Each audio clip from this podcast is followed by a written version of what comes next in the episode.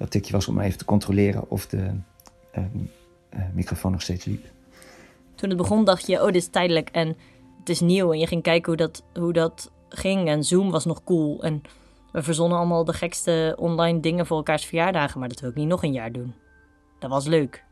Weet je nog, 2020, uh, maar nee. Oh, er komt een vrachtwagen voorbij hier.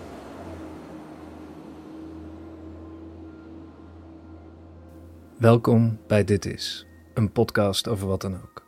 Een plek voor radioverhalen van elke soort waarin ik mijn nieuwsgierigheid volg. Op mijn keukentafel liggen drie groene Amsterdammers nog steeds in het plastic. Er bovenop ligt er een opengevouwen op een artikel dat ik al anderhalve week aan het lezen ben. Ik nam een proefabonnement aan het begin van de lockdown. De gedachte was als volgt: ik ben geen krantenlezer, ik luister wel eens NRC vandaag en af en toe lees ik iets wat mijn vriendin me onder mijn neus drukt, maar ik wilde op de hoogte blijven. Misschien niet per se van de dagelijkse dingen, want daar hadden we persconferenties voor. En tijdens die lockdown was De Groene perfect. Ik las er elke ochtend in en tijdens de lunch. Ik keek uit naar de columns van Rob van Essen, die voor Marja Pruis inviel. Later naar de columns van Marja Pruis. En ik las alles wat Dirk Bezemer schreef. Ik knipte artikelen uit die ik samen met de scripts en aantekeningen voor deze reeks podcasts in een mapje stopte. Een soort lockdown-mapje. En na drie maanden verlengde ik mijn proefabonnement met nog een half jaar. En de achterstand begon eigenlijk al bij het zomernummer. Daar deed ik te lang over. Ik las een stukje op het strand en stopte tijdschrift in mijn rugzak als ik weer eens ergens naartoe ging voor mijn werk, maar de routine was weg. Tijdens de lockdown deed ik elke dag aan sport, pakte ik elke week een brood, had ik een uur pauze midden op de dag en stopte ik stipt om zes uur met werken. We namen ons denk ik allemaal dingen voor om uit die periode mee te nemen. Inmiddels moet ik soms te vroeg naar afspraken om eerst nog te sporten en kom ik te moe terug om het aan het eind van de dag nog te doen. Ik probeer mensen uit te leggen dat ik niet drie uur in de trein wil zitten voor een afspraak die een derde daarvan duurt, maar ik krijg ze lang niet altijd overtuigd. Ik moet herinneringen in mijn telefoon zetten, zodat ik in ieder geval niet vergeet mijn zuurdecemstarter te voeden. Ik bak weer één keer per maand een brood en mijn OV-chipkaart zit weer standaard in mijn broekzak. En nu liggen er dus drie groene Amsterdammers nog in het plastic op mijn tafel. Mijn abonnement loopt nog tot 25 december. Ik zou van alles willen verlengen, maar ik geloof niet dat dat abonnement erbij zit. Ik koop wel weer eens een los nummer. Op het station. Op weg naar een afspraak. Mijn naam is Dennis Gaans. En dit is Sociale Onthouding maand 6. Stel dat je vorig jaar ineens op je mat een krant van dit jaar had gekregen. Gewoon een random datum, maakt niet zoveel uit wanneer, als het maar na maart was. Had je dan kunnen snappen wat er allemaal in stond? Als je gewoon die hele context mist, maar wel ineens een krant uit de toekomst kreeg. Maar de vraag is, kan je die krant dan begrijpen? Kan je nu begrijpen wat er aan de hand is? Als je het niet zelf hebt meegemaakt. Ik weet niet hoeveel dagen het geleden is dat we in lockdown gingen. Uh, het voelt niet alsof we er ooit echt uit zijn gekomen. Maar um, ja, het leven is ook wel weer genormaliseerd in de tussentijd.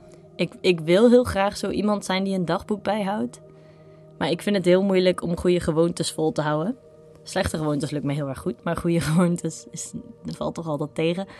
En om een beetje bij te houden wat er nu gebeurt en alle gekte en het idee dat het elke week anders is. En wat ik dus niet meer deed, maar nu merk ik ook wel meer meer ga doen, is elke dag kijken op de live blog van de NOS over het nieuws. Dat deed ik tijdens de lockdown sowieso elke dag voor het slapen gaan.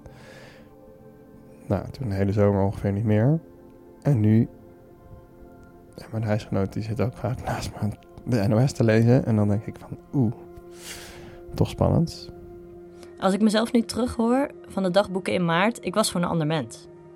Ik denk niet dat, dat je dit kunt doormaken in je leven en daar helemaal hetzelfde uitkomen of zo. Alleen al, ik zei van de week tegen iemand, het lijkt wel alsof er na de coronacrisis minder in mijn dag past dan daarvoor. Ik vond het gewoon heel normaal om te proberen 25 uur uh, in een dag te stoppen. Ik heb ook nog geluisterd naar podcast die tijdens de lockdown zijn opgenomen.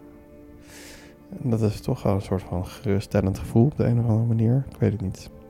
Ik heb de afgelopen tijd ook zo hard gewerkt dat ik af en toe dacht, ja, ik zou wel weer een lockdown kunnen gebruiken.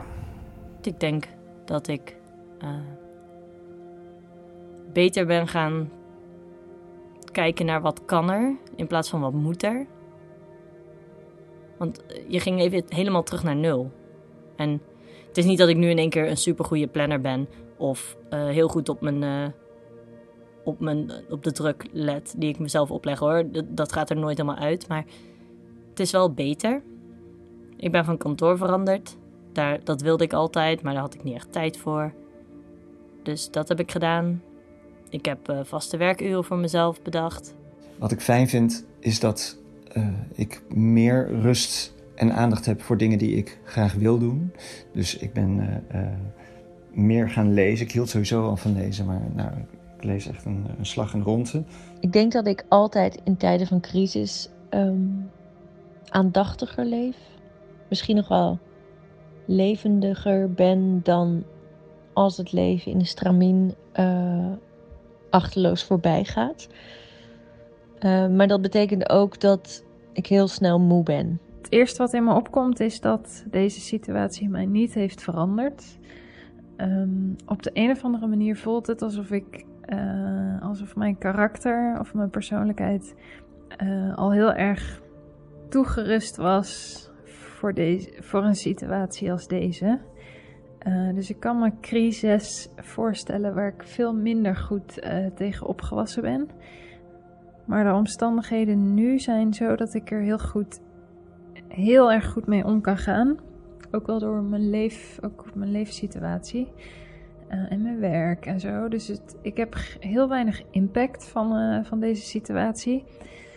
En het was al zo, ik, ja, ik woonde eigenlijk al op afstand van heel veel van mijn vrienden. Dus het is al gewoon dat ik iedereen, dat ik niet zomaar lang kan langs eh, waaien bij vrienden. Dat, dat, daar ben ik al aan gewend. Het is wel iets wat ik mis hè, en, en wat ik weer terug zou willen. Maar ehm, de overgang was voor mij niet heel scherp. Eh, het is ook al, mijn manier van contact onderhouden met mensen is ook al heel vaak schriftelijk. En met berichtjes en bellen en e-mails en kleine grappige postpakketjes en aanzichtkaarten. Dus ja, ook dat was in deze tijd echt ja, heel goed te doen natuurlijk. Dat, dat waren de communicatiemiddelen bij uitstek. En eh, ik heb ook minder het gevoel dan voor de coronaperiode eh, dat ik mee moet doen aan sociale verplichtingen. Ik, ik vind het ook heel fijn om me te onttrekken aan sociale eh, eh, ja, verplichtingen of aan grote groepen mensen. Ik ben, ik ben wat meer een. oh, ik ben ook een beetje moe, Dennis. ik ben ook meer een, een introvert. En ik, had, ik heb ook echt totaal geen last van FOMO. Dus ja, dat er nu heel veel dingen niet doorgaan. Dat, is- ja, dat, dat, ehm, ja, dat vind ik niet zo erg. Ik verveel me niet snel. En eh, ik, sterker nog, ik vind het soms heerlijk dat eh, bijvoorbeeld als er een feestje is of een festival, dat dan iedereen dat aan het doen is. Dan vind ik het heerlijk om eerder weg te gaan en iets te eten, meestal wel in combinatie met iets te eten of iets te drinken, een beetje door de stad te zwerven of al eerder thuis te komen. En op de een of andere manier vind ik het dan heel leuk dat, dat dat feestje aan de gang is, dat daar ook mensen zijn en dat die mensen het leuk hebben. Maar ik vind het dan ook heel fijn dat ik er niet ben. Of ik vind het leuk dat ik er dan even ben geweest, maar ik vind het ook heel fijn dat ik die tijd dan daarna compleet voor mezelf heb of zoiets. Nou, is het in deze tijd weer heel weinig. Dus als we dan een keer iets afspreken met mensen, en de afgelopen tijd kon het gelukkig wat meer, zeker eh, in de buitenlucht natuurlijk, hè, en het gaat dan niet door, dan vind ik dat dan ook wel weer gelijk heel jammer. Eh, voorheen was het omgekeerd, dan eh, vond ik het eigenlijk altijd heel lekker als een keer een afspraak niet doorging, want dan had ik opeens tijd, was ik, kon ik iets doen wat ik, of niets doen, hè, wat, ik, wat ik lange tijd niet had gedaan, of nou, nou, maar nu, nu is dat dus precies omgekeerd. Volgens Michiel van der Weerthof, wederom Michiel van der Weerthof, maar als je die er niet weer in wil, kan ik ook zeggen, volgens een vriend van mij, of een collega: Michiel, wat ben je eigenlijk? Ehm, ben ik ook dankzij de coronacrisis mijn dertiger jaren ingecatapulteerd. Ik weet niet of dat, of dat echt zo is, maar de feestjes ehm, en het altijd maar rennen en feestjes stapelen en zo, dat wil ik gewoon niet meer. De feestjes wel, maar het stapelen bedoel ik. En het vier afspraken op een avond en zo, dat wil ik niet meer. En ergens vind ik het vreselijk om mezelf dit te horen zeggen, maar ik zou niet eens meer weten hoe. Ik zou echt niet eens meer weten hoe. Ik denk dat ik mijn leven meer op mezelf heb gericht en uh, op mijn huis. Ik merk dat ik als een, ja, een beetje een steen in de rivierbedding lig van uh, de gewoonte. Ik was natuurlijk eigenlijk iemand die elk weekend wel weer ergens anders was. En veel naar vrienden, veel naar feestjes, veel naar mijn vriendje in Amsterdam. En ik kan het gewoon niet meer opbrengen. Ik merk dat alles me tegenstaat. Uh, openbaar vervoer staat me ook tegen.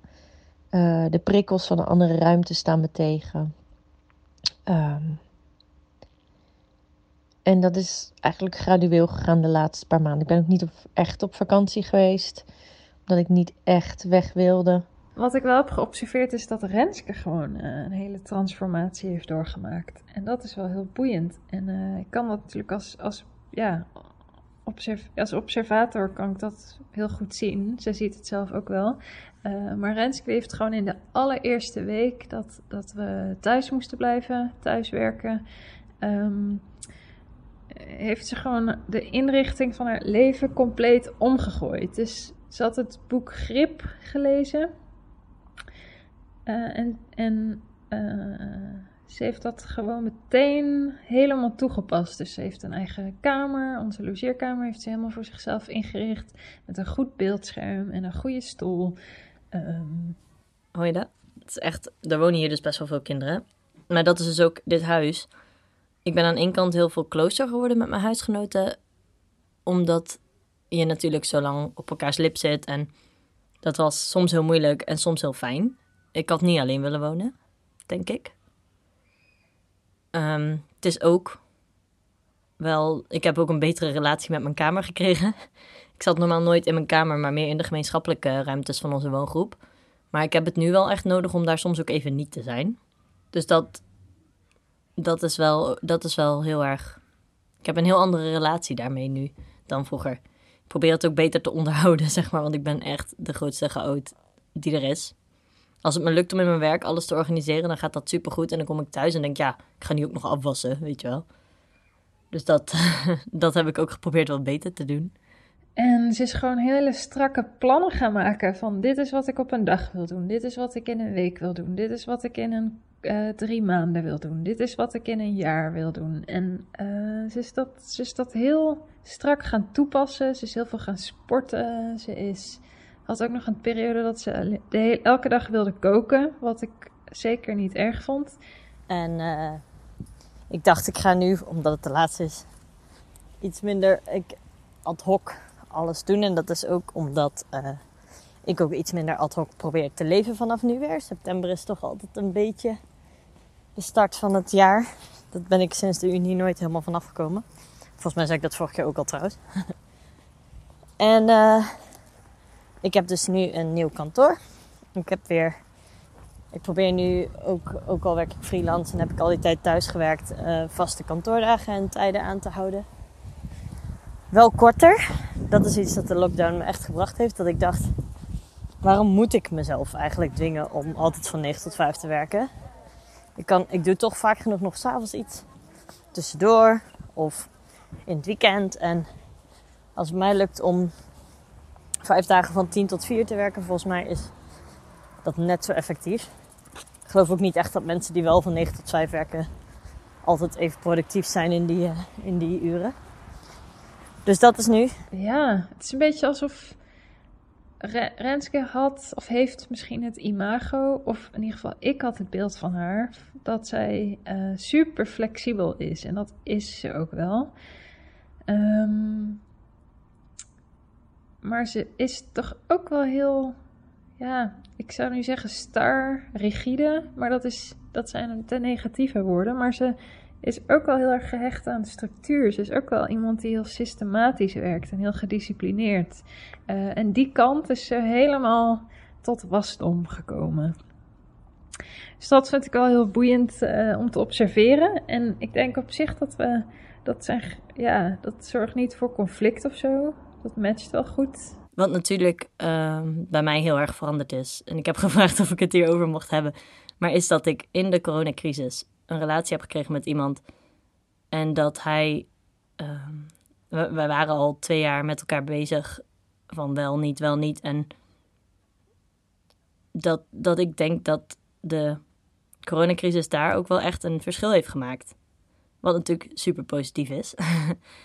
dat is gek, want het, uh, ik denk dat door het nemen van tijd en het daadwerkelijk eens kijken naar je leven en wat je daarin wil en met wie je dat wil en gewoon de momenten van reflectie die ik nu wel heb, die ik, waar ik zelden tijd voor maakte eerst, dat wij daardoor hebben gezien dat we gewoon beter zijn met elkaar dan zonder elkaar. Dat klinkt echt super zoet. Sorry. Maar ik ben heel blij mee, dus fuck it. Ik heb het geluk dat ik echt een ontzettend leuke relatie heb. En dat het goed gaat met ons allebei. En we houden van elkaar.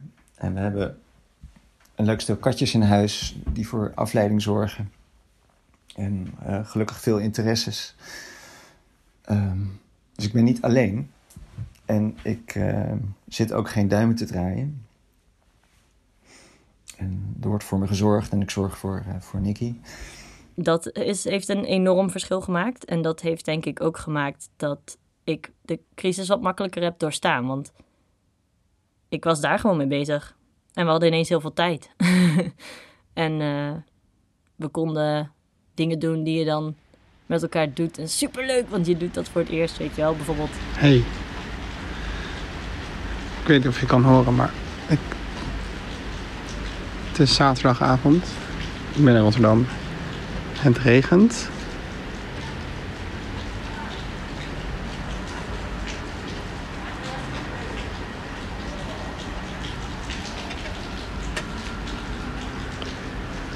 En er zijn twee mensen.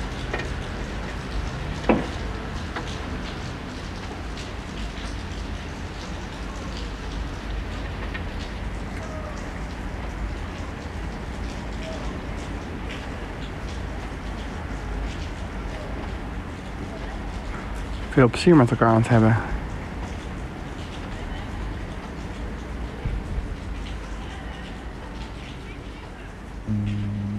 Je nagaan als je dat dus niet hebt, als je alleen zit.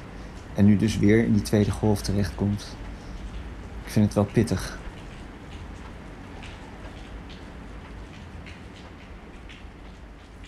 Hey Dennis, met Martin. Um, ik deed vorige maand niet mee. En dat was uh, omdat er iets stoms gebeurde in mijn leven. Stom. Heel stom. Um, mijn moeder bleek namelijk ernstig ziek. Uh, en werd opgenomen in het ziekenhuis. Uh, is opgenomen in het ziekenhuis, want het is nog steeds. En dat um, blijft ze de komende maanden ook wel grotendeels. Um, dus toen ben ik opeens terug verhuisd naar Rotterdam, waar ik vandaan kom.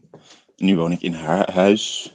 Uh, en uh, uh, is mijn leven dus opeens nou ja, niet 180 graden, maar wel zo 110 graden of zo anders dan dat het hiervoor was.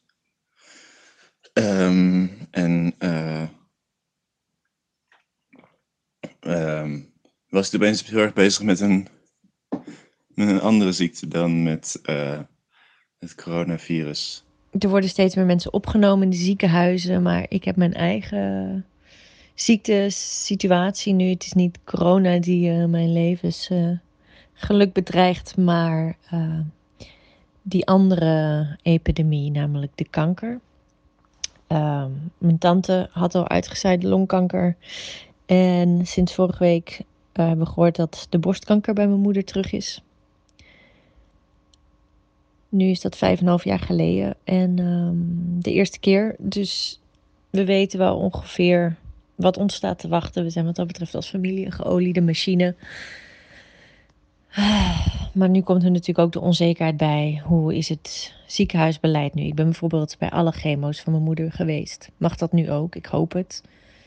Ehm, en ehm, zo zie je dat uh, alle andere ziektes ook uh, genadeloos doorgaan. Wat ook heel gek was, want het is zo van, ik was wel heel, maak me zo druk over de oplopende cijfers in het algemeen in, uh, in um, augustus. En toen gebeurde dat. En toen kwam het me opeens helemaal. Uh, nee, ik heb niet niks geschreven of zo, maar het was een soort van alsof alle spanning die daarop lag weg was. Het is een soort van zuiver academisch ding van, oh ja, die gegevens bestaan inderdaad, maar niet een soort van gegevens gekoppeld aan angst, omdat blijkbaar mijn uh, gevoel maar bij één ziekte een soort van angstige gevoelens kan thuisbrengen dat, dat herinner ik me ook nog aan de tijd van dat mijn moeder de eerste keer ernstig ziek was. Het lijkt wel alsof je drie dagen in één dag leeft. Je ervaart elke emotie, elk moment, ook de goede momenten, dubbel zo intens. En je denkt bij alles, dit zou een laatste moment kunnen zijn. Of een, je ziet alles als knopen uh, in, een, uh, in het touw van de geschiedenis. Mijn moeder ligt nu ehm, ik denk een week of vier in het ziekenhuis. Een beetje gek, moet je opeens een nieuwe, nieuwe tijdschaal moet ik zo uh, onthouden. Zo van, oh, toen, zo lang is, is het ongeveer bezig. En daardoor ben ik dus nu ook al dus vier weken zoiets elke dag in het, in het ziekenhuis in Erasmus in Rotterdam. mijn moeder ligt in een kamer achter een, achter een sluis met twee deuren. En de ene, de, de, de ene deur mag alleen open als de andere dicht is en, vice versa. En je moet dan zo je handen desinfecteren voordat je binnenkomt. Het gekke is natuurlijk dat maar, in die kamer ook wel is het zo geïsoleerd en um, is er zoiets anders heftigs aan de hand. Dat betekent dan niet dat corona, zeg maar, niet meer bestaat. Um, en dat betekent dus ook niet dat de coronaregels uh, niet meer bestaan. Uh, uh, oftewel, mijn moeder en ik zijn geen huishouden, dus moeten we anderhalve meter afstand houden.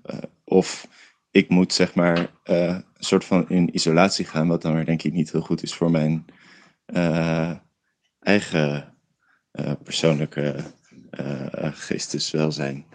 Um, dus in mijn moeders kamer zit ik dan de hele tijd zo op afstand. En dan ja, ik kan nog een beetje de voeten aanraken als ik mijn arm een beetje uitsteek. Want dan is het nog wel anderhalve meter hard tot hard. En wat ik bijvoorbeeld heel lastig vond, ik, ik wilde naar Ans uh, toe gaan. Ik, had, ik heb wel eens Ans opgenomen. Hè? Een vriendin in Rotterdam. ze is 92, maar ze voelt wel echt als een vriendin. Um, en ze was deed het niet zo heel fit in de zomer. Dus kon niet echt bezoek ontvangen. En uh, toen hadden we nu net een, een, datum geprikt. Ik zou op bezoek gaan uh, voor afgelopen zondag. Uh, en toen, drie dagen voordat ik zou gaan of zo, toen, werd, toen waren Noord- en Zuid-Holland ineens code rood. En zij woont in Rotterdam. Vanuit België is het dan eigenlijk verboden, min of meer, om daar naartoe te gaan. Je zou in quarantaine moeten, maar dat is geloof ik alleen als je langer dan 48 uur uh, daar zou blijven. En wat er ook aan de hand is, mijn moeder die krijgt chemokuur en die is uh, heel heftig. Uh, want die maakt alle cellen in je beenmerg zoveel mogelijk stuk. Um, wat tot gevolg heeft dat je beenmerg geen nieuwe cellen aan kan maken. En ze kunnen wel uh, rode bloedcellen en, en bloedplaatjes uh, in je lichaam stoppen, waardoor zeg maar, je lichaam nog wel zuurstof kan transporteren en, en wondjes kan stollen. Maar ze kunnen geen witte bloedcellen bijgeven via een infuus. Want witte bloedcellen die vallen alles aan wat lichaamsvreemd is. Dus als je eigen witte bloedcellen er niet zijn, dan, dan, dan vallen ze ook al je andere cellen aan. Dat is natuurlijk een probleem. Dus mijn moeders afweer is super laag. Dus wordt ze ook de hele tijd ziek van bijna alle uh, ziekteverwekkers, zeg maar. En dus krijgt ze ook regelmatig koorts in de weken zo na die behandeling. En ziekenhuisprotocol is dat bij elke, uh, elke keer dat ze koorts heeft, eh, moet iedereen die die kamer inkomt via die sluis, moet in die sluis een coronapak aandoen. Dus dat betekent een, even kijken, er is een bepaalde volgorde voor. Je moet eerst je handen desinfecteren met handalcohol. Dan is de volgende stap is de soort van die jurk aan of de, het schort aan. Dus een schort, dan moet je twee strikjes achter je, achter je rug doen. Um, daarna, oh ja, mondkapje komt dan. Um, en dan handschoenen eroverheen. Handschoenen moeten ook weer onder het schort.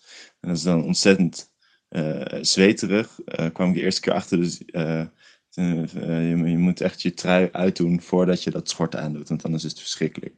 En dan zit je daar dus compleet ingepakt op die kamer. Terwijl mijn moeder hoeft niet ingepakt. Want het gaat dus niet om haar te beschermen. Maar het is maar om mij te beschermen als zij toevallig corona heeft. En dat is waarschijnlijk niet, want er zijn natuurlijk duizenden andere virussen. Uh, en ze wordt van elk virusje wordt ze, uh, wordt ze ziek. Of duizenden andere bacteriën. Van elk virusje wordt ze ziek en kan ze dus ook koorts krijgen. Um, maar dat hele, de hele pakkenceremonie, zeg maar, dat is al. Dat is nu de afgelopen uh, twee weken, denk ik, is echt zo drie keer geweest. Dat je dan zo van, oh, dan moet dan zo'n sms van, oh, je moet trouwens weer een pak aan. En dan hangen de briefjes er weer. En dan, dan loop je je sluis en denk je, oh god moeten we weer.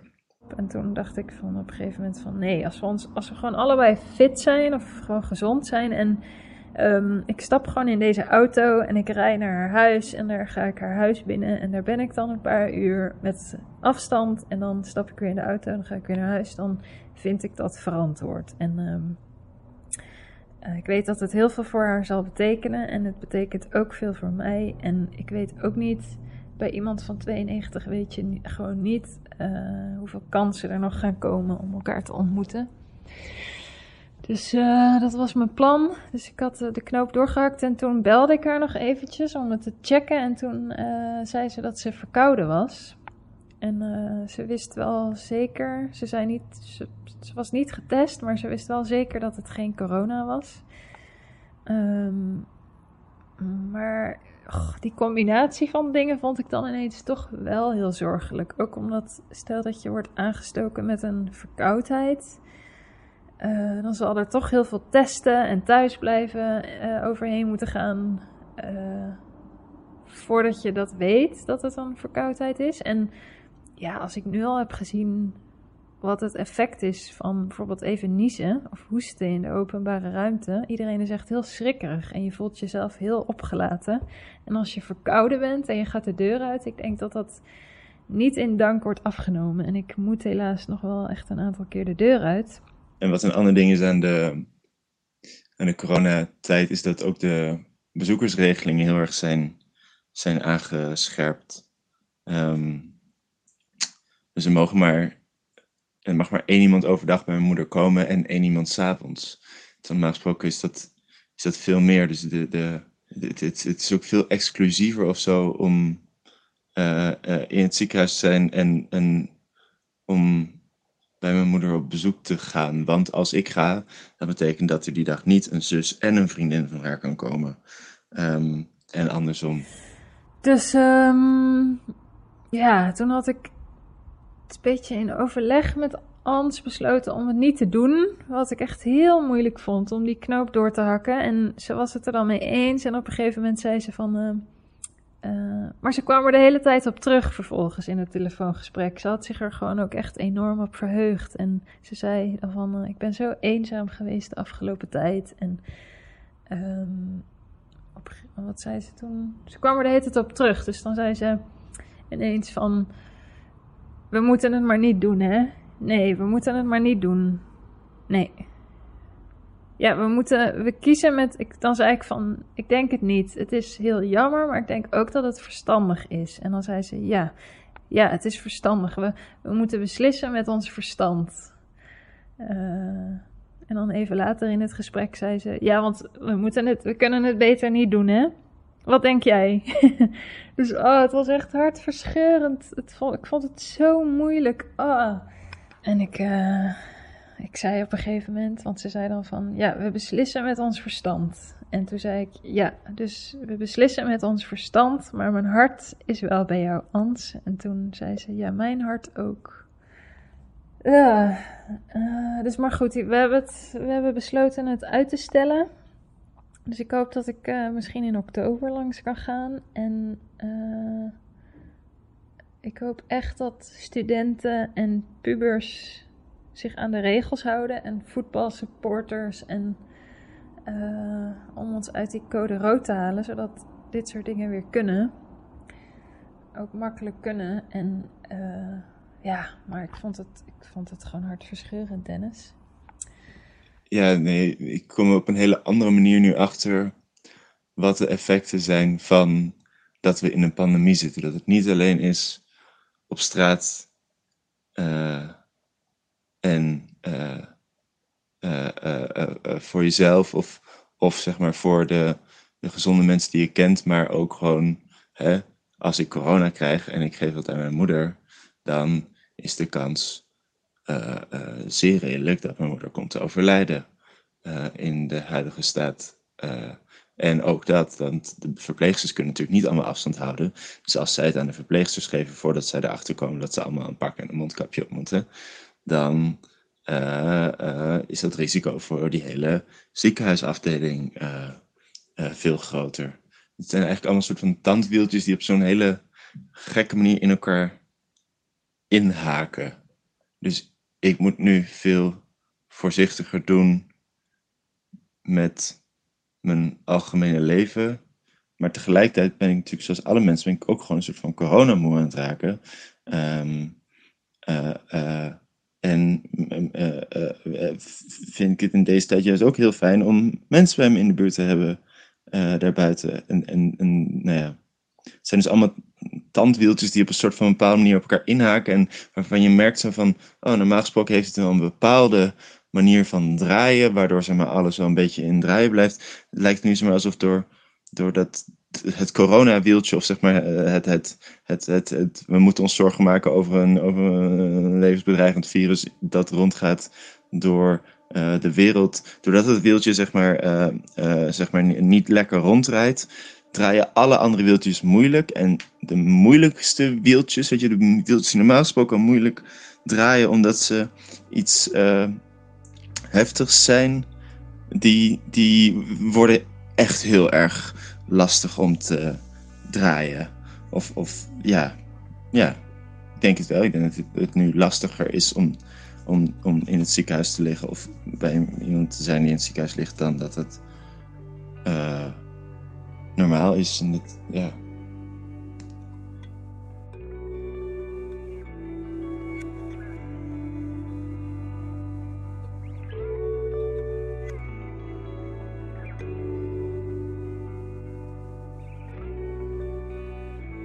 Ja, het lijkt mij wel mooi om uh, eens in te gaan op die uh, uh, toenemende onvrede. Want als ik uh, ja, deze, deze uh, podcast toch eens, uh, toch, toch goed beluister, dan vind ik het wel grappig om te constateren dat het misschien wel de keurigste club mensen is die je bij elkaar hebt verzameld. Hè? Dus in, onder de mensen die je de hele tijd aan het woord laten in je, in je podcast, een ontzettend groot draagvlak om. Um, ja, je te houden aan, uh, aan de door de RIVM uh, en door de overheid uh, verspreide regels. Een vriend van Nicky en mij vond ons roomser dan de paus, omdat we ons zo keurig aan de um, coronamaatregelen hielden. En um, ja, als, als anderen er iets anders van vinden, dan word ik daar gewoon. Ja, daar ben ik heel gevoelig voor. Dus dan denk ik, ja, ben ik nou zo'n lul of zo'n zo'n dommerik? Of uh, uh, ja, hoe zit dat dan? En uh, nou, het lijkt me hartstikke goed. maar wat ik de laatste weken toch steeds vaker in de spreekkamer en nu dus ook in de media zie, is toch wel een afbrokkeling van dat. ja, van die bereid, bereidwilligheid onder mensen. En steeds vaker toch ook al mensen uh, ja, spreek die, ja, die het echt allemaal niet meer, uh, die het allemaal niet meer volhouden. Ik vind het heel moeilijk. Kijk, ik heb zelf zoiets van we hebben dit allemaal goed overleefd. En de hele golf aan solidariteit die in het begin kwam, die zie je nu ook. Die is veel minder nu, hè? We zijn nu al lang weer met elkaar aan het ruzien. In het begin was er een- zo'n hele... Oh, kijk hoe goed de mensheid eigenlijk is. En het uit het raam zingen en al die dingen. Dat is helemaal weg. Eh, en in mijn ogen zijn eigenlijk twee groepen te onderscheiden. Je hebt gewoon een, een groep mensen die, het, die, ja, die er gewoon helemaal klaar mee is. Die het gewoon ja, eh, niet meer trekken. Zoiets hebben van ja, wat doen we het allemaal voor? En eh, is het allemaal wel proportioneel? Hè? De proportionaliteitsvraag. Ik denk dat het ook een heel, heel terechte vraag is hè, van veel mensen. Van, ehm, staat het allemaal nog wel een beetje in verhouding. Hè? De, enorme offers die er worden gebracht door de, door de, door de samenleving op eh, ja, eh, economisch, maar ook op cultureel vlak. Hè? Eh, je kunt amper bij elkaar komen om, om ja, van, van, van elkaar, van, van, van, van kunst en cultuur te genieten. Maar natuurlijk ook onder ondernemers die, ja, die hun, hun inkomsten zien dalen. Dus die proportionaliteitsvraag snap ik heel erg. En ik heb altijd zoiets gehad van als dit tijdelijk is, dan is het goed. Dan, dan zien we ook eens hoe het ook kan of zo. En, maar als 2021 weer zo wordt als dit, zo'n zo'n stilstand. En heel veel dingen lukken ook niet. Je probeert van alles. Mensen zijn moe van, alle, van al het nieuws en alle veranderingen en alle indrukken. Ik zou dat heel moeilijk vinden als dat nog een jaar moet. Daar kan ik ook wel echt, daar moet ik ook niet te veel aan denken, want daar zou ik, dat zou ik heel zwaar vinden. En gewoon mijn moeder niet kunnen knuffelen, weet je wel? Ik bedoel, en mijn pa. Hoe lang ga ik die nog bij me hebben, weet je wel? En ik vind dat niet, ik vind dat gewoon eigenlijk niet menselijk. En dan kun je zeggen, oké, mensen hebben het veel zwaarder en dat jij even niet kan knuffelen, nou big wolf. Ja, dat klopt. En eh, dat erken ik ook. Ik heb het enorm, ik ben enorm gezegend mens, zou mijn moeder zeggen. Ik heb het echt lang niet zo zwaar gehad, maar ik wil gewoon niet nog een jaar. Ik wil dit gewoon niet. Ik ga nu even als een eh, klein kind stampen. Ik wil dit gewoon niet. Maar wat je ook eh, steeds vaker ziet, en die zie ik ook in de spreekkamer, is ook echt mensen die zelfs zo ver gaan dat ze echt zeggen van ja, dit is een, door een soort eli- elite opgelegde eh, schijnwerkelijkheid. Eh, we worden bedrogen, eh, die tests die kloppen niet. en dat, ja, dat is natuurlijk een groep die, ja, wat ik, wat ik veel ingewikkelder vind. Kijk, die proportionaliteitsvraag die is natuurlijk zeer, zeer terecht, maar ja, die suggestie dat het allemaal één groot complot is, eh, die gaat me wel wat erg ver. Ik vind het echt schokkend dat je eh, het beleid van de overheid, waar zelfs ja, in het, de, de- waar, waar experts eh, voor zijn gevraagd om die overheid te adviseren en waar er goed wordt geluisterd naar die experts, dat je daar tegen ingaat als, als, als groep, als meute. Geleid door iemand die op een blauwe maandag wel eens gestudeerd heeft. Ja, ik vind dat echt heel schokkend. Het gesprek lijkt wel heel erg te gaan over allerlei meningen. Eh, je kunt je er voortdurend toe verhouden. En dus die feitelijkheid, die geldt niet. Alles wordt maar in vraag gesteld. Zonder, zonder dat daar echt een goed onderzoek tegenover staat. Hè? Men loopt er gewoon achteraan en men roept maar wat. Net zoals die eh, bloggers met hun, eh, met hun hashtag... eh, eh, wat was het ook weer? Eh, ik doe niet meer mee of zo. Ja, die. die, die ik, vind dat, ik vind dat echt heftig. Ja, het is, ik vind het ingewikkeld. Ik vind het ontzettend ingewikkeld. Ik probeer eh, natuurlijk heel erg, ja, te, wat ik merk in de spreekkamer is dat ik dan probeer te vermijden om dan toch weer te gaan schermen met, met wetenschappelijke argumenten. Omdat ik merk dat daar eigenlijk heel weinig grond voor is. Hè. Dus mensen zeggen ofwel, ja, eh, jij bent zelf ook eh, onderdeel van dat complot. Of eh, je bent misschien ook ten, maar ten dele geïnformeerd. De dingen die ik op internet zie, die heb jij misschien niet gezien. Dus ja, dat, dat soort gesprekken zijn wel ingewikkeld. Ik probeer dan toch meer in te gaan op de, de emotie die daaronder speelt. Hè? Dus de, de, waar komt dit nou uit voor? Waar, de- de- wat is de onderliggende emotie? En vaak, vaak is het gewoon dat mensen zijn er gewoon klaar mee, zijn gewoon moe en zoeken eigenlijk vaak een mandaat om uh, ja, dat ongenoegen uh, toch ook een beetje in te bedden, lijkt wel. Um, en ik snap het ook wel. Ik heb, ben er zelf ook wel helemaal klaar mee. Uh, maar ja, um, we hebben toch met, met elkaar een verantwoordelijkheid om ja, te voorkomen dat de zwakkeren in de samenleving uh, hier de dupe van worden. Um, maar ik vind het ondertussen wel een worsteling. En, dat vind ik ook het lastige aan de, de maatregels vanuit de overheid.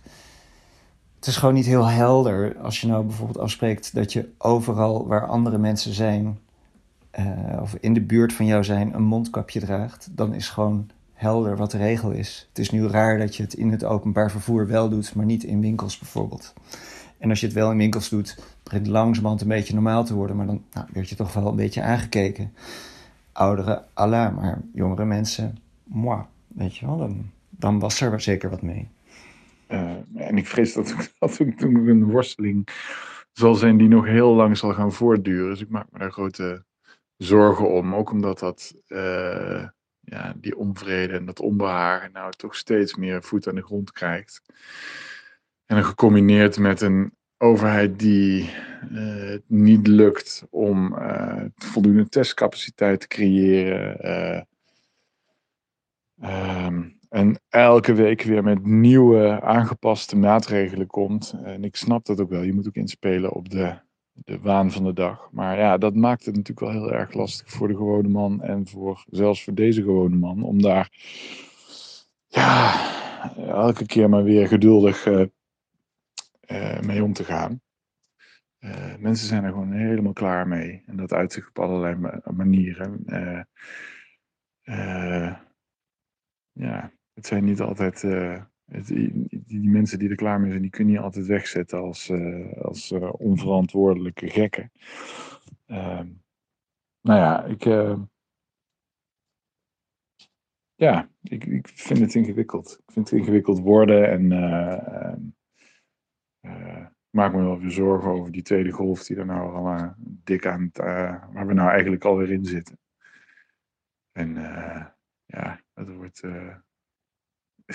ja, dat wordt weer, dat wordt weer aanpoten geblazen deze winter. En ja, nog lang niet gehad. En er zijn eigenlijk best wel een paar mensen die ik ken, die dan met mensen werken of kennen die corona hebben. Dus mijn twee beste vrienden hebben allebei een collega met het virus. Ze hebben zich volgens mij niet laten testen. Want ja, dat kan ook niet. Ik maak me heel erg zorgen om de toekomst. Um, juist omdat ik nu zie dat ja, de financiële aspect van de lockdown en uh, dat, uh, dat uh, heeft heel veel invloed op heel veel vrienden, ook op mij. Ik bedoel, ik zou een tournee van 60 um, ehm, shows geven en dat zijn er 10 geworden. En er ziet niet echt naar uit dat er een herneming genomen gaat worden. Dat ik daar niet een groot genoeg een naam voor ben. Dus dit was het. Ik heb een jaar lang gewerkt voor 10 shows, wat best wel karig is tegelijkertijd. Um, alles is een begin en een stap voorwaarts. Dus zo moet ik het ook zien.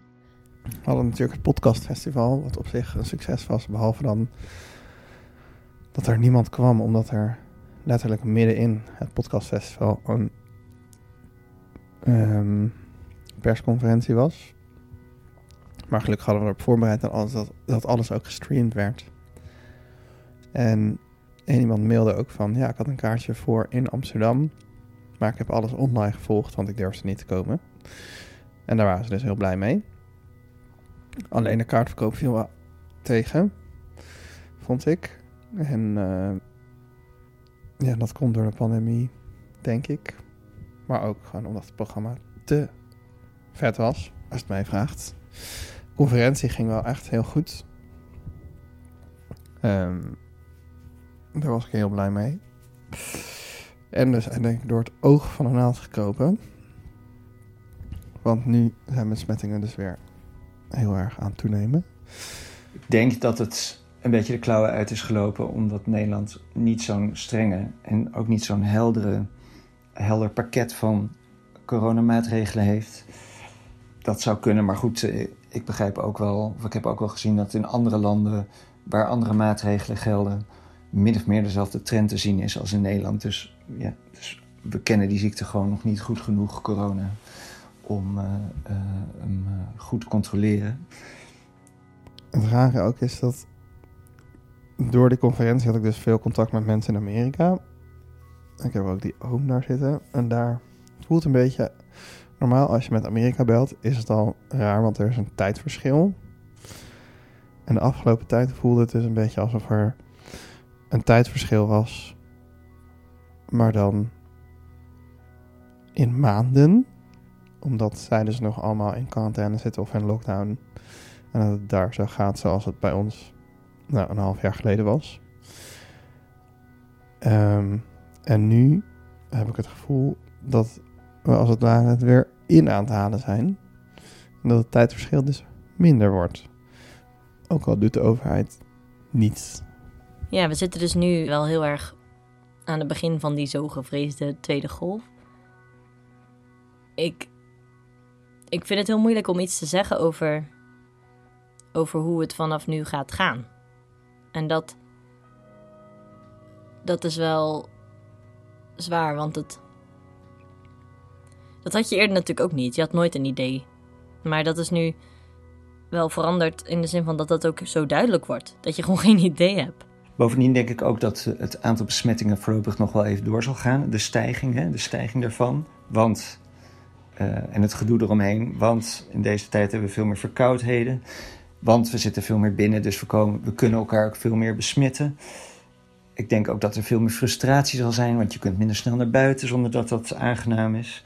En ik probeer wel voor mezelf wat meer te plannen. Iets meer een doel te hebben uh, in mijn werk. Maar dat komt misschien ook omdat ik nu de beginjaren van het ZZP'er, freelancer zijn een beetje heb gehad. En nu ook iets meer daarover kan nadenken. Dus ik weet niet wat daar wat is. Maar ik denk dat als dit allemaal iets duidelijk heeft gemaakt, is dat je gewoon niet. Je weet het gewoon niet. Dus ik zie die toekomst best wel uh, ja, mistroostig in. Ik vind het heel goed wat de overheid doet met uh, die steunpakketten. En um, ik denk ook dat we uiteindelijk wel weer hieruit gaan komen. Ik bedoel, dat is de menselijke geschiedenis, dat is de aard van het kapitalisme. Dat die fluctueert, die gaat um, naar beneden en omhoog. En je moet je leven daaromheen zien te leiden en niet daar veel door te laten leiden. Um, dus ja, weet je, over twee generaties kijken we naar en dan zeggen we, oh ja, dat was een dipje, weet je wel. En nu zit je erin en denk je, oh mijn god, al mijn vrienden gaan failliet. Het is verschrikkelijk, maar al die vrienden leven ook door en uh, zijn uh, vindingrijk. Je weet het gewoon niet. En dat zei ook nog iemand, ik belde voor mijn werk naar een, uh, naar een café. Want we treffen elkaar nu ook op het moment dat Nijmegen, net als de Randstad, straks code rood krijgt waarschijnlijk omdat onze cijfers weer echt niet goed gaan. En uh, toen zei ik van, toen moest ik voor mijn werk, voor een journalistiek artikel, dat café bellen van, hey, hoe denk je, hoe kijk je hier tegenaan? En die zei, ja, we hebben al zoveel voorspeld en geprobeerd te anticiperen. En, maar het heeft gewoon geen zin, want het verandert steeds. En dat, die onrust, uh, die moet je denk ik tegengaan door dat te accepteren. Maar dat is wel heel moeilijk en heel zwaar. En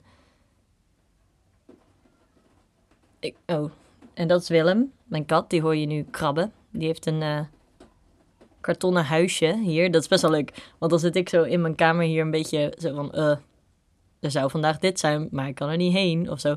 En Willem, die zit dan in mijn huis in een heel klein kartonnen huisje. Dat vind ik altijd heel leuk. Misschien is dat niet leuk, maar ik vind dat heel leuk. Ook uh, een beetje binnen te zitten. Maar ik woon dus nu opeens in Rotterdam. En het was toen ook opeens het gebied met uh, de meeste uh, coronabesmettingen van Nederland voordat de hele studentenmania begon. En het voelt nog een beetje vreemd. Want ik ken deze stad en deze hoek van deze stad natuurlijk heel goed. Maar tegelijkertijd is alles ge, ge corona gentrified. Het was al een beetje gegentrified. Maar nu is het op de plek waar dan vroeger een Hells Angel bar zit, uh, out of time. Nu zit daar dus, dus omdat van die, van die, van die motors, uh, Harley Davidsons voor de deur. En dan wil die echt nooit gefilmd worden. Nu zit daar dan zo'n prachtig coronaterras waar je met je vrienden toch nog veilig op anderhalve meter afstand uh, onder een terrasverwarmer um, eh, eh, heel veel hipsterbier eh, naar binnen kunt hakken. Oké, Dennis. We zijn op het Westergasterrein. Helemaal in Amsterdam. En dit is een geluid dat ik al zeker een half jaar niet heb gehoord. Namelijk.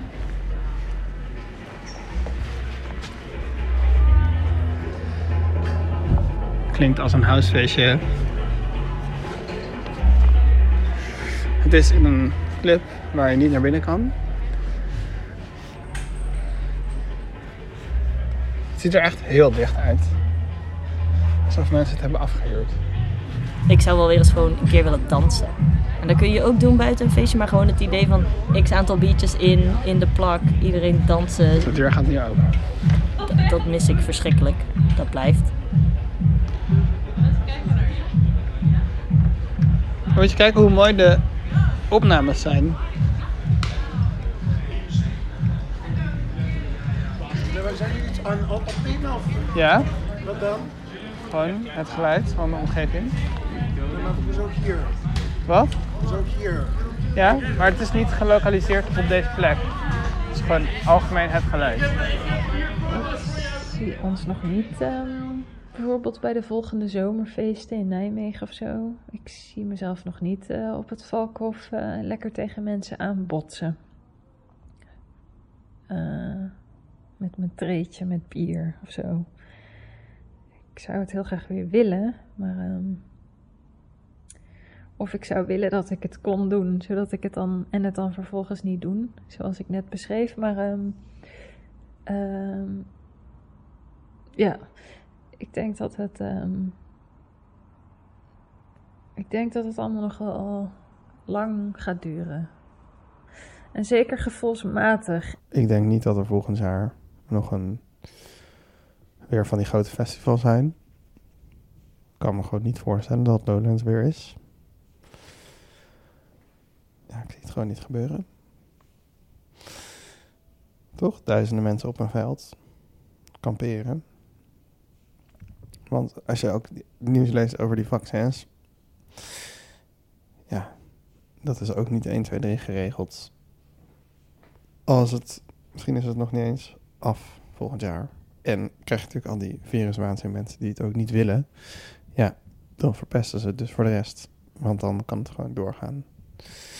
Ja, ik, ik hoop dat er natuurlijk een vaccin komt. Maar de pessimist in mij zegt ehm, dat na corona komt er natuurlijk een ander virus en dan een ander virus. Dit kan ons ieder moment nog een keer gebeuren, omdat de wereld zo eh, verbonden is. En ja, dat onze mens-dierrelatie toch echt een groot probleem is en verstoort.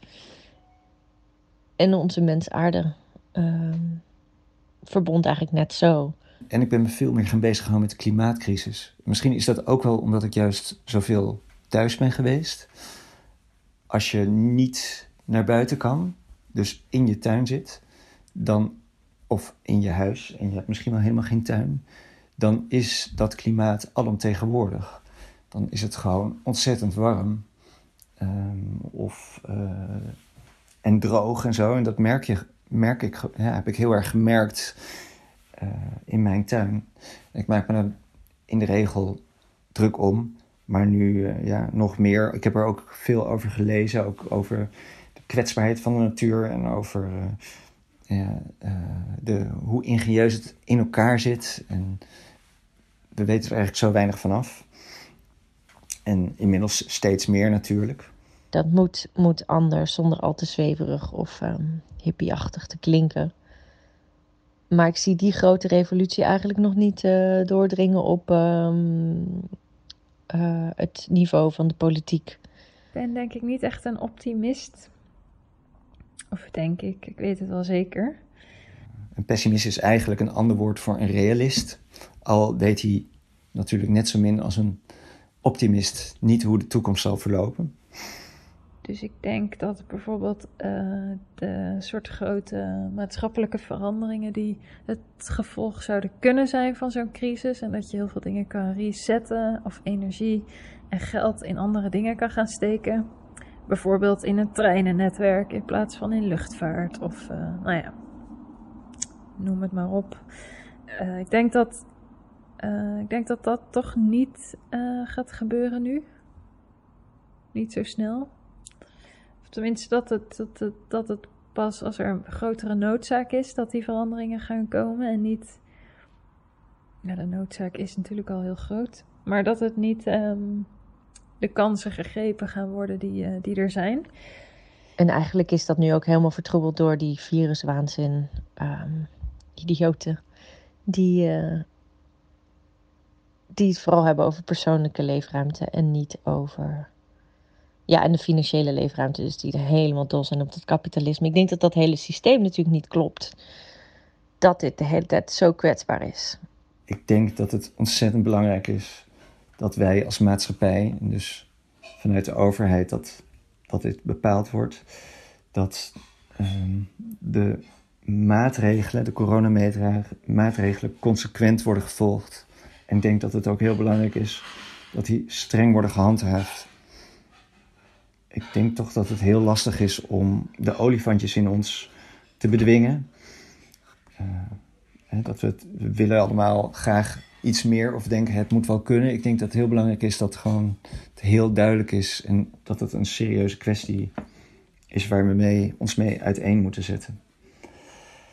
En ik denk ook dat we in deze tijd heel serieus moeten gaan nadenken over hoe we binnen 20 jaar, en het liefst sneller natuurlijk, CO2-neutraal kunnen draaien als economie. Ik heb uh, een boek gelezen van een zekere Magnussen, On Time and Water. Dat heeft me weer eens aan het denken gezet. En uh, ja, als, we binnen 20 jaar CO2-neutraal draaien met de hele wereld, dan uh, hebben we een redelijke kans dat de temperatuur onder de 1, 1,5 bedoel ik, à 2 graden stijging blijft. Ik voorzie wel, want het is natuurlijk ook de hele tijd goed weer geweest. En nu komt de herfst en de winter eraan. En ik ben heel slecht in herfst en winter. Qua, uh, qua mood swings en, en toch. Dus da daar zie ik wel heel erg tegen op. En dat in combinatie met de wereld die om ons heen in 25 tonen ontploft, vind ik wel, dat vind ik wel zwaar. Daar kijk ik tegenop. Um, en verder, ja, het zakt snel weg. Um, maar ik denk dat, dat dat die dag, ik weet niet, half maart, waarop we beseften: oh ja, dit virus is niet iets wat alleen maar op het journaal te zien is. In een land waar iedereen toch al mondmaskers leek te dragen, omdat de steden zo vervuild zijn. Uh, nee, dit is gewoon nu hier aan de hand. En um, ja, het dagelijks leven en zoals we het kennen is gewoon even weg nu. Iedereen, iedereen wordt geraakt door hierdoor. Iedereen. Dat is, dat is echt wel een unicum, hè? Dat iedereen ja, eraan moet geloven of zo. Ik ken nu veel meer mensen die corona hebben of in quarantaine zitten omdat ze het misschien hebben, dan ik eigenlijk de hele crisis lang heb gekend. Dus het is wel aan weer. En uh, dat brengt weer allezelfde dingen naar boven waar we het deze hele serie over hebben gehad. Ga ik naar mijn vader? Ga ik naar vrienden? Iets waar ik heel blij mee ben dat het weer kan. Wij eten op dinsdag altijd met dezelfde vriendengroep. Ik zou het heel erg naar vinden als dat niet meer kan. Soms een beetje lastig om uh, coherent, verkennend te formuleren. Ik heb nu soms het idee dat uh, waar mijn hoofd eerder dan zeg maar van zo'n gedachte, dat iemand eindelijk wel rondgebreid kreeg, dat het nu zo is van, ik begin eraan en uh, ik denk dat mijn hoofd dan nog ergens wel aanvoelt van, oh, dit zou een gedachte kunnen zijn die je zou kunnen rondbreien. Maar dat vervolgens ik dan aan proberen ben en mijn hoofd die zegt van, oh, hier hebben we niet genoeg hersenenergie voor, want je bent met iets anders de hele bezig of iets anders op de achtergrond de hele bezig. Net zoals corona dat eerst was. En nou ja, uh, daarvoor voice message ik je dus even. En dan op persoonlijk vlak, en dit heb ik dan van mijn vriendin, die nu op het ogenblik een gordijn dichttrekt. Wat ook al aangeeft dat ik zo meteen sorry Dennis, dat is nog een klap, want Nicky haalde iets onder de telefoon vandaan. Eh, wat, dit heb ik van mijn lieve vriendin.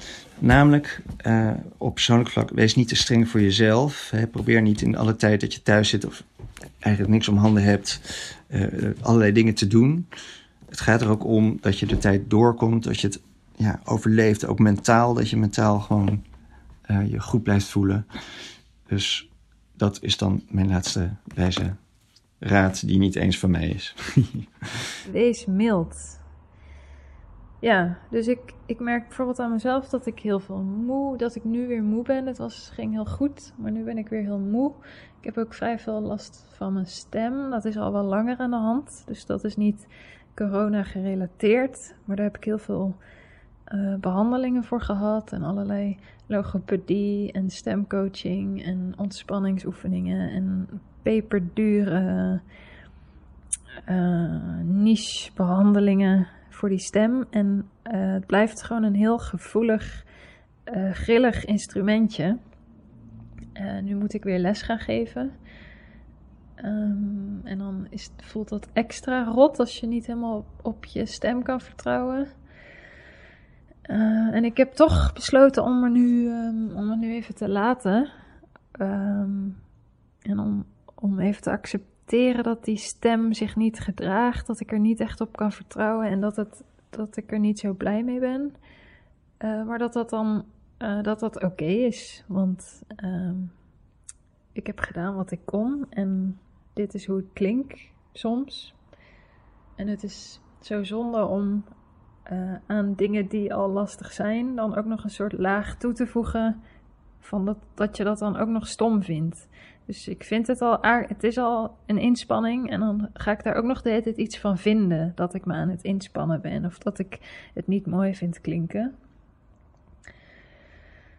Uh, die laag, zeg maar, die strenge laag, die, uh, daarvan zou mijn advies zijn om, uh, ja, om die een beetje te negeren of te elimineren. En, en ook misschien gewoon heel mild naar die laag te kijken, want anders ben je weer boos op het boos zijn over het boos zijn. Nou ja, komt in een soort eindeloze loop. Um, dus ja, ik denk deze situatie vraagt zoveel van iedereen en de hele tijd aanpassingsvermogen en al, onze inter, al ons gedrag is niet meer vanzelfsprekend. Dus uh, daardoor ook wel heel inspannend. Dus ik denk dat veel van ons uh, heel moe zijn. Uh, en, dat dat, en dat we in heel veel dingen geen zin hebben, of dat we over dingen heel veel twijfelen, of dat we dingen moeilijk vinden, of en dat het mooi zou zijn als we dat, als we daar heel mild over zijn naar, naar onszelf toe en ook naar anderen trouwens. Ik ga je even de bal kaatsen, want jij zei ooit tegen mij: het is ook gewoon een pandemie, Josien, weet je wel? Als ik mezelf weer voor de oren zit te slaan van ja, je hebt weer iets niet af of het lukt niet of het is wel gewoon een hele rare tijd. Ik ga eindigen met een cliché. Het is een hele rare tijd, jongens. Maar gun jezelf dat. Die, dat, dat, dat af en toe dingen niet lukken en dan, en dan realiseer je dat je ook gewoon in een tijd leeft waarin die, die veel van je vraagt. Um, al was het maar omdat je thuis iets op moet nemen, terwijl buiten je raam kinderen aan het gillen zijn, terwijl je dat normaal gewoon elders kan doen. En, maar ook naar anderen toe. Soms dan, ik vind mensen hoekiger. Als dat ergens op slaat, hoekiger. Soms meer brusk, vind ik een mooi woord. Maar het is voor hen ook gewoon, het is gewoon een pandemie. We hebben gewoon, dit is, dit is serieuze shit, zeg maar. En ja, wees een beetje lief voor jezelf en voor anderen zoek troost. Zoek troost in muziek, zoek troost in gesprekken, zoek troost in kunst. En zoek troost bij wat je kent. Dus uh, nadat ik de hele Buffy de Vampire Slayer box heb uh, herkeken, uh, ben ik nu aan Six Feet Under begonnen. en dat geeft me heel veel troost. En zoek ook troost in een hondenvacht. Want die zijn ongelooflijk zacht. En ik ga het missen, dit. Dit momentje reflectie met jou en met de andere dagboekers. Dus wellicht dat in de toekomst. En eh, doei. Nou, ik vond het heel leuk om eraan mee te doen. Ik hoop dat je er iets aan hebt. En eh, het ga je goed, Dennis. Sorry voor mijn eh, hakkelige praten. Maar je, komt er, ja, je, je maakt er steeds wel iets moois van. Alle goeds ook aan alle andere mensen die meedoen aan de podcast. Groetjes en succes. Tot zover, Dennis. En de vraag is natuurlijk... Jij maakt nu een einde aan deze serie. Maar gaat het überhaupt ooit wel voorbij? Helemaal aan het begin van... eh, toen het nog zo ging over flatten the curve... kreeg je een soort van strategie van pompend rennen. En... eh, ja, pompend remmen is dat je dus elk half jaar krijg je dan een soort van lockdown. Omdat je die curve moet flattenen. Ik heb eh, het idee dat we daar op de een of andere manier in zitten. Worden we er vrolijk van? Ik Denk het niet. De komende jaar ziet er gewoon heel erg onduidelijk uit voor mij. Maar goed. Ik ben niet alleen. Iedereen zit in deze pandemie. Dat is het leuke van een pandemie. Iedereen zit erin. Dat is misschien wel het meest rare gedachte. Dat we nog steeds met z'n allen erin zitten. Maar dan op een andere manier.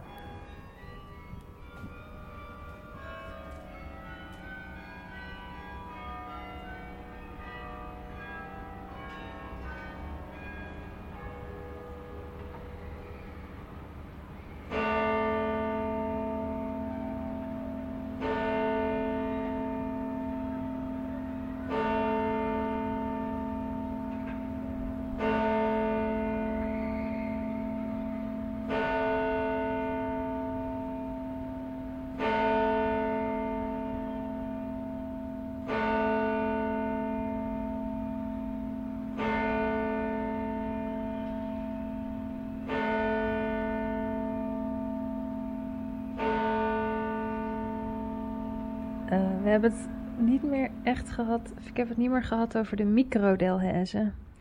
Eh de microdelhaize heeft enorm staan verstoffen. Het sloeg gewoon niet aan. Ik heb hem helemaal leeggeruimd. En ik heb er een mini-museum van gemaakt. Waarin ik elke week een ander eh, object tentoonstel. Met een, eh, het verhaal van dat object erbij. En eh, ik had dus de stiekeme hoop dat iedereen in huis een keertje een object tentoon zou stellen. Eh, maar ik wist niet of dat zou lukken. Eh, maar het grappige is, het is echt een hit. Ik heb maar één week zelf iets, iets erin gezet. En zo'n zo'n hondje, wat ik ooit heb gekregen van vrienden, zo'n dashboardhondje, dat dan wiebelt met zijn hoofdje. Eh, van vrienden die in Zweden wonen. En dat had ik dan beschreven. En ik had ook gezegd dat dat wiebelende hoofdje mij deed denken aan eh, tante Klaasje, de zus van mijn opa. Eh, dus ik dacht, nou ja, dan hè, ik, waarschijnlijk moet ik zelf elke week dit kastje vullen. Geen probleem overigens. Ik heb heel veel voorwerpen en ook heel veel verhalen daarbij. Maar ehm eh, Warempel, de volgende week vroeg een van de bovenburen al of hij iets mocht eh, tentoonstellen. Dat was een heel klein beeldje van een Vespa eh. En dan met een verhaal over hoe hij als jonge gast in Italië ging reizen. Eh, nou, de week erop dacht ik, ik had alweer iets achter de hand. Was er een was onze buurjongen op deze verdieping had iets. Eh, hij maakt namelijk van oude flessen maakt hij kaarsen. Dus dan snijdt hij ze af en hij vult ze met kaarsvet. En eh, zo kan je bijvoorbeeld een champagnefles die je doet denken aan, eh, aan een heugelijke gebeurtenis, die kan je op die manier bewaren. Of nou ja, er zijn een heleboel mooie flessen hè? en die zijn blijkbaar heel moeilijk te recyclen. En hij maakt daar dus allemaal mooie souvenirs van. Dus dat was ook heel tof. En nu staat er een. Even kijken. Nu staat er een tegeltje in. van. eh, dus nu heeft een bovenbuurvrouw heeft een tegeltje erin gezet met dat haar oma vroeger bij de deur had hangen. En dan staat er op verschillende leeftijden hoe kleinkinderen naar hun grootouders kijken. Dus als ze vier jaar zijn, dan denken ze: Oh, leuk, we gaan naar opa en oma.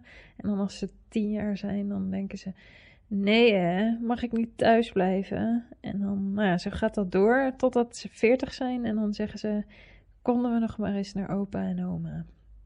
En de bovenbuurvrouw zei dat zij al die fases heeft doorlopen. En eh, dat haar oma ook zo demonstratief dat tegeltje altijd naast de deur had hangen.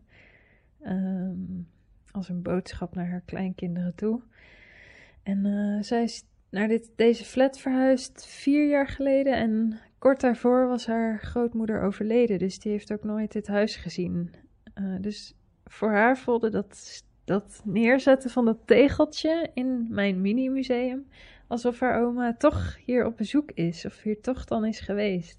Wat ik echt een super mooi, mooie gedachte vind. Dus ja, wat kan ik eh, zeggen? Dit is misschien dan ook nog een advies. Eh, als het ene niet werkt, probeer iets anders. En eh, misschien heb je ineens een hit. Dit is ook een tip voor alle mensen die op zoek zijn naar een vaccin voor corona. maar ook voor de luisteraars. Dus blijf een beetje spelen en tweaken en dan ineens kan iets aanslaan. Goed, mm, dit was het. Doei Dennis.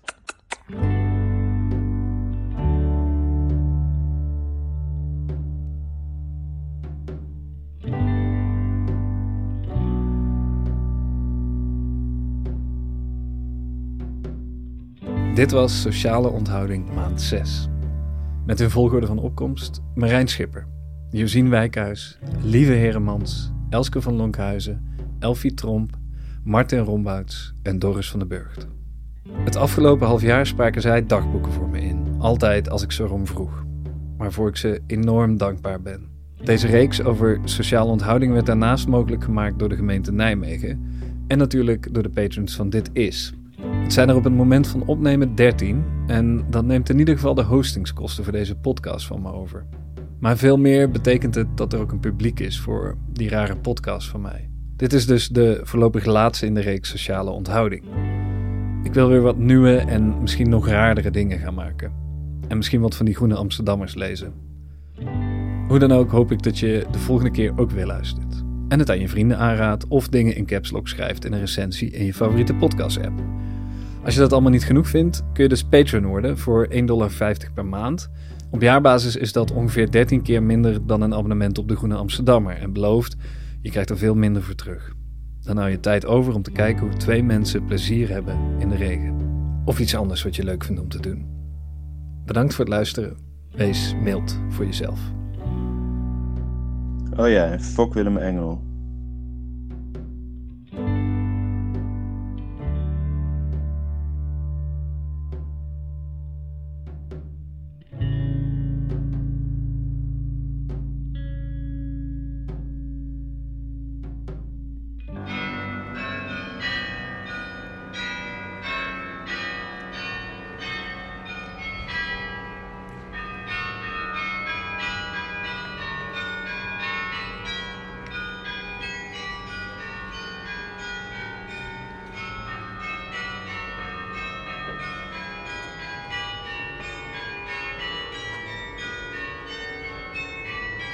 Leuk en aardig, maar haat die kaart dus nog steeds.